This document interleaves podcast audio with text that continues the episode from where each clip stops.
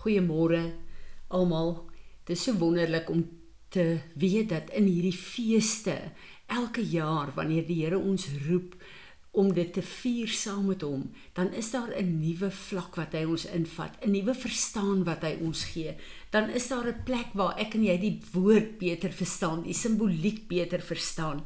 En gister was verseker so 'n dag vir my gewees terwyl ons by Ariel Gate was en die woord vir ons so oopgebreek is uh, deur hierdie feeste en ek weer myself kon verwonder aan hierdie absolute tydlyne wat God op aarde gehad het. Van die eerste ehm um, Pessach wat ons gevier het in Eksodus 12 deur die kruisiging van Jesus deur die hele simboliek van van Abraham wat vir Isak geoffer het en hoe alles so op perfek op die regte tydlyne geval het. Maar hierdie keer het ek 'n openbaring gekry van die ongesuurde brode en hierdie fees en wat dit beteken wat my lewe diep diep aangeraak het en ek bid dat die Here dit ook vir julle sal oopbreek en die erns daarvan sal oopbreek. Wanneer ons kyk na Pessach, dan weet ons ons vier die kruisiging, maar direk na die kruisiging begin die fees van ongesuurde brode wat ons dan vir 7 dae niks eet met suurdeeg nie. En wat uh, wat alle suurdeeg uit ons huise uit moet verwyder en dan eers is dit uh uh ja hierdie gees fees van ongesuurde brode is vir ons die belangrikste fees na die kruisiging van Jesus. Kom ons kyk 'n bietjie hoe ernstig is dit vir die Here en wat is die betekenis daarvan? In uh Exodus 12 vers 15 staan daar in the celebration of the Passover in future years 7 days shall you eat unleavened bread even the first day you shall put away all leaven the symbolic of corruption out of your houses. For whoever eats leavened bread from the first day until the seventh day, that person shall be cut off from Israel. Wat is hier aan die gang dat dit so belangrik is dat die Here sê as julle hierdie fees nie vier nie, dan gaan ek julle afsny van Israel af afsny van my kerk af, afsny van my liggaam af as ons praat in Nuwe Testamentiese uh konteks. Wat is so belangrik in hierdie fees en hoekom is dit so belangrik dat die Here sê dat die sny as ons gaan kyk na Hebreëus is die uh, the cut is the circumcision. So hierdie het alles met die verbond van God te doen. En die Here kom en hy sê, hoe ernstig is hierdie uh, fees van ongesuurde brode. Nou wil ek gaan na uh, 1 Korintiërs 5 vers 7 en 8 toe, waar Paulus kom en hy skryf hierdie brief vir die Korintiërs. Purge, clean out all the old leaven that you may be fresh, new dough, still uncommonate uh, uncom uh, uncontaminated uh for Christ. Our passover lamb has been sacrificed. Dis gedurende hierdie fees wat Paulus nou kom en praat hieroor.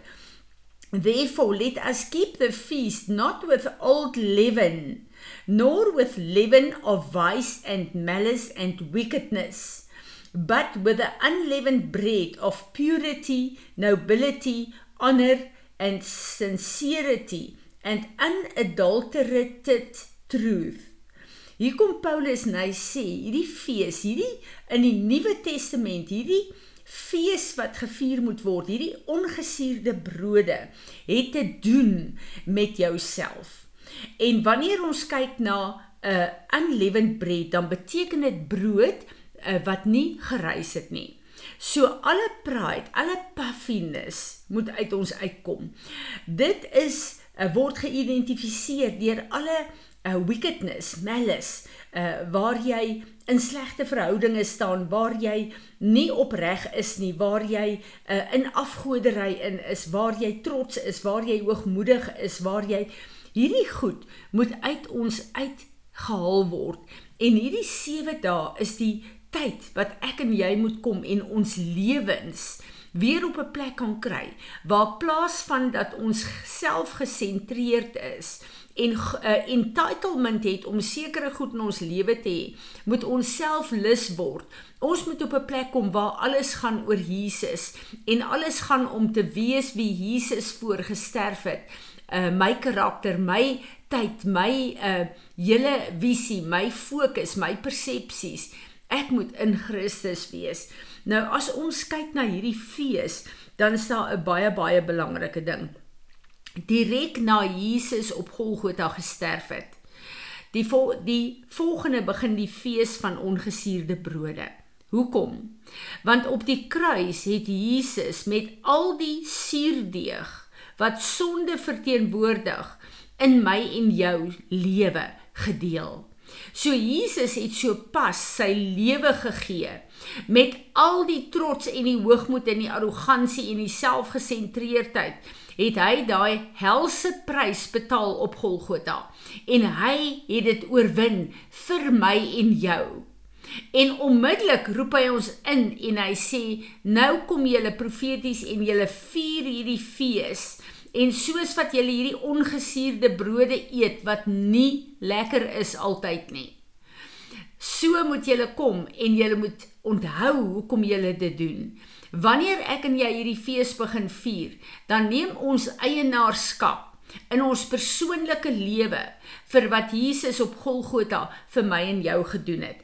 Dit wil sê, onmiddellik kom ons met hierdie fees van ongesuurde brode en ons sê Here Jesus, ons neem nie net hierdie offer aan nie, maar ons kom embrace dit in ons eie lewens sodat ons eie lewens kan getuig van uh, die sonde wat u op Golgotha namens my mee gedeel het. Wanneer jy hierdie brood eet, het dit te doen met jou, met jou liggaam, met jou ervaring van hoe hierdie goed proe. Dit het te doen met onthou, soos wat hy vir ons die verbondstekens gegee het en gesê doen dit, do this in remembrance of me. Wanneer ek en jy hierdie fees eet, brood eet, dan beteken dit ons onthou dat Jesus vir sonde, my sonde gesterf het. En daarom moet ek nou sê, Jesus het die prys betaal vir my sonde, maar wat 'n sonde is nog in my lewe? Hoekom heer sonde in my lewe, maar hy het die prys betaal. Hy het dit in vervulling gebring. En dit is die tyd en die fees wat ek en jy ernstig besin oor ons lewens. Kyk wat is in ons lewens. Heilige Gees toelaat om vir ons te wys waarmee moet ek deel hierdie jaar? En volgende jaar wanneer ek voor hom kom, veral met hierdie fees van hierdie ongesuurde brode, dan weet ek daar's oorwinning oor sekere sonde in my lewe wat afgehandel is omdat ek onthou het dit is wat hy gedoen het gedurende hierdie fees van Pessach. Dis nie net 'n fees waar ek en jy kom en waar ons alles neem en ontvang wat hy so die Engelse sê selflus op die kruis op Golgotha volbring het nie. Op die kruis het hy nie aan homself gedink nie. Hy het gedink aan my en jou. Hy het homself neergelê. Alles wie hy is, sy liggaam, sy alles neergelê en aan my en jou gedink sodat ek en jy kan lewe. Wat 'n 'n geweldige 'n 'n 'n nederige selfless offer het hy nie vir my en jou gebring nie. En een van die groot dinge wat die Here vir my in hierdie tyd gee van Pessach wat regtig waar my hart uh, so aanraak is dat ons kom met so verwagting en afwagting om hierdie fees te vier en weet julle dis reg. Dit is reg. Maar as ons klaar is met Pessach hierdie jaar, wat dan?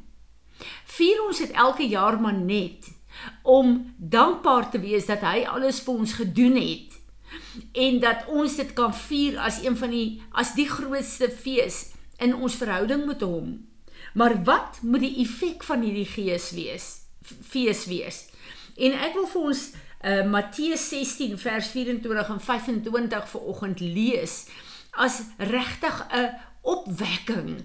Laat ons sal wakker word laat ons die Engelse sê alert sal wees vir waarheen gaan ons na Pessach 2023 Matteus 16 vers 24 en 25 waar hy sy disippels voorberei het en hulle geleer het kom hy in sê when Jesus said to his disciples If anyone desires to be my disciple, let him deny himself, disregard, lose sight of, and forget himself and his own interests, and take up his cross and follow me. Cleave steadfastly to me. Confirm wholly to my example in living and, if need be, in dying also. For whoever is bent on saving his temporal life, his comfort, his security, they shall uh, they shall lose it. And whoever loses his life, his comfort and security here for my sake shall find life everlasting. Hierdie is nie 'n woord wat ek en jy graag wil hoor nie. Jesus het met die kruis gedeel in hierdie feestyd. Hy het die kruis afgehandel waar dit sy eie liggaam betref. Maar hierdie is die plek waar ek en jy die oomblik as ons hom aangeneem het, tel ons ons kruis op en ons begin dit te dra. Op dieselfde manier wat Jesus die kruis volbring het. Want ek en jy is nog op aarde, ons is in hierdie dimensie. Jesus het hierdie dimensie oorwin ek en jy nog nie. Maar ek en jy het sy krag en sy autoriteit om dit te kan doen.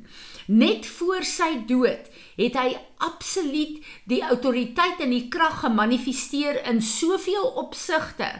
Toe daai soldate hom kom vang het en Petrus in sy woede die oor afgekap het, het hy vir Petrus bedien en gesê nee, nee, hierdie ding wat jy gedoen het moet ongedaan gemaak word. Hy het gekom en hy het die oor genees te midde van almal daar. Bo natuurlik genesing want hy is op pad om die geneesheer te word. Hy het gekom toe hulle gevra het of hy uh Jesus is. Toe sê hy en lees die al die vertalings. Daar's een vertaling wat sê um ek is hy. Dis nie wat hy gesê het nie. Hy het net gesê ek is. Die naam van God en die krag daarvan het die soldate almal laat oor uh, laat omval. En ek dink aan hierdie gedeelte en ek dink maar hulle was dom. Hulle moes hierdie krag en goed gesien het. Dis bonatuurlik. Hoekom het hulle uh uh om wel gearresteer? Maar ons besef dis om God se plan te vervul. Maar wanneer ek en jy kyk, dan moet ons besef ek en jy het 'n kruis. Nou kyk ons na hoe belangrik is hierdie kruis wat ek en jy moet dra. Ons gaan in die woestyn in, ons het trials, ons het tribulations. Dis die kruis wat ek en jy dra, maar ons het die oorwinning van die kruis van Golgotha om op die regte manier dit te dra. Want alles wat ek en jy doen en soos ons deur trials and tribulations gaan, is ek en jy 'n getuienis vir die principalities and powers wat na ons kyk om die oorwinning van die kruis te proklameer deur alles waardeur ek en jy moet gaan hier op aarde. En daarom is dit so belangrik as ons kyk na die voorbeelde in die woord. Kom ons vat net die twee konings, Saul en Dawid. Saul was nie deur die woestyn nie. Hy's nie voorberei deur trials and tribulations nie.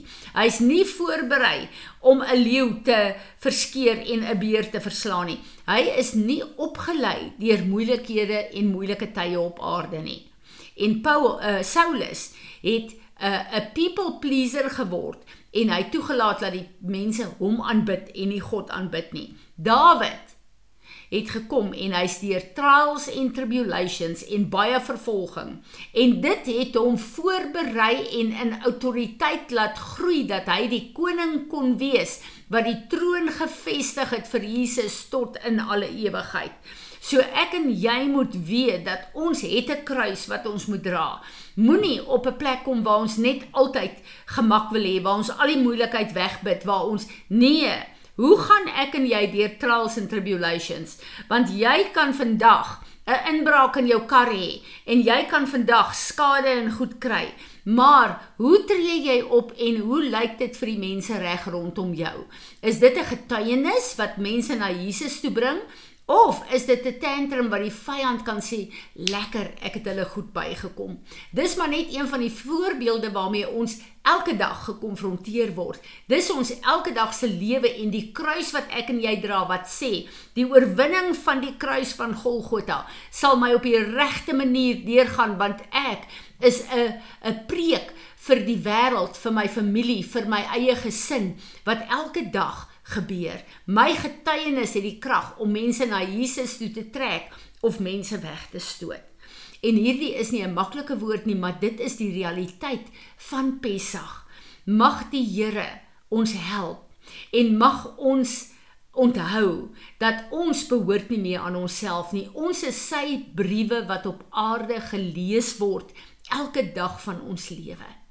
Here Jesus, dankie, dankie, dankie dat U die kruis afgehandel het sodat ons kan lewe in die krag van die opstanding en sodat ons Heilige Gees in ons kan hê wat ons voetstappe kan lei en ons kan rig om op aarde u kragmanifestasie te wees. Dankie vir hierdie kosbare tyd. Dankie dat u die genesis in ons lewe op aarde kom word het. En dankie dat alles wat ons nodig is, het is afgehandel op die kruis. En ons kom en ons aanbid u in hierdie oggend in hierdie tyd kon stroop ons asseblief van al ons trots, ons hoogmoed, ons selfgesentreerdheid. Ons wil meer soos U lyk. Word U verheerlik in hierdie feestyd in elke een van U kinders se lewe.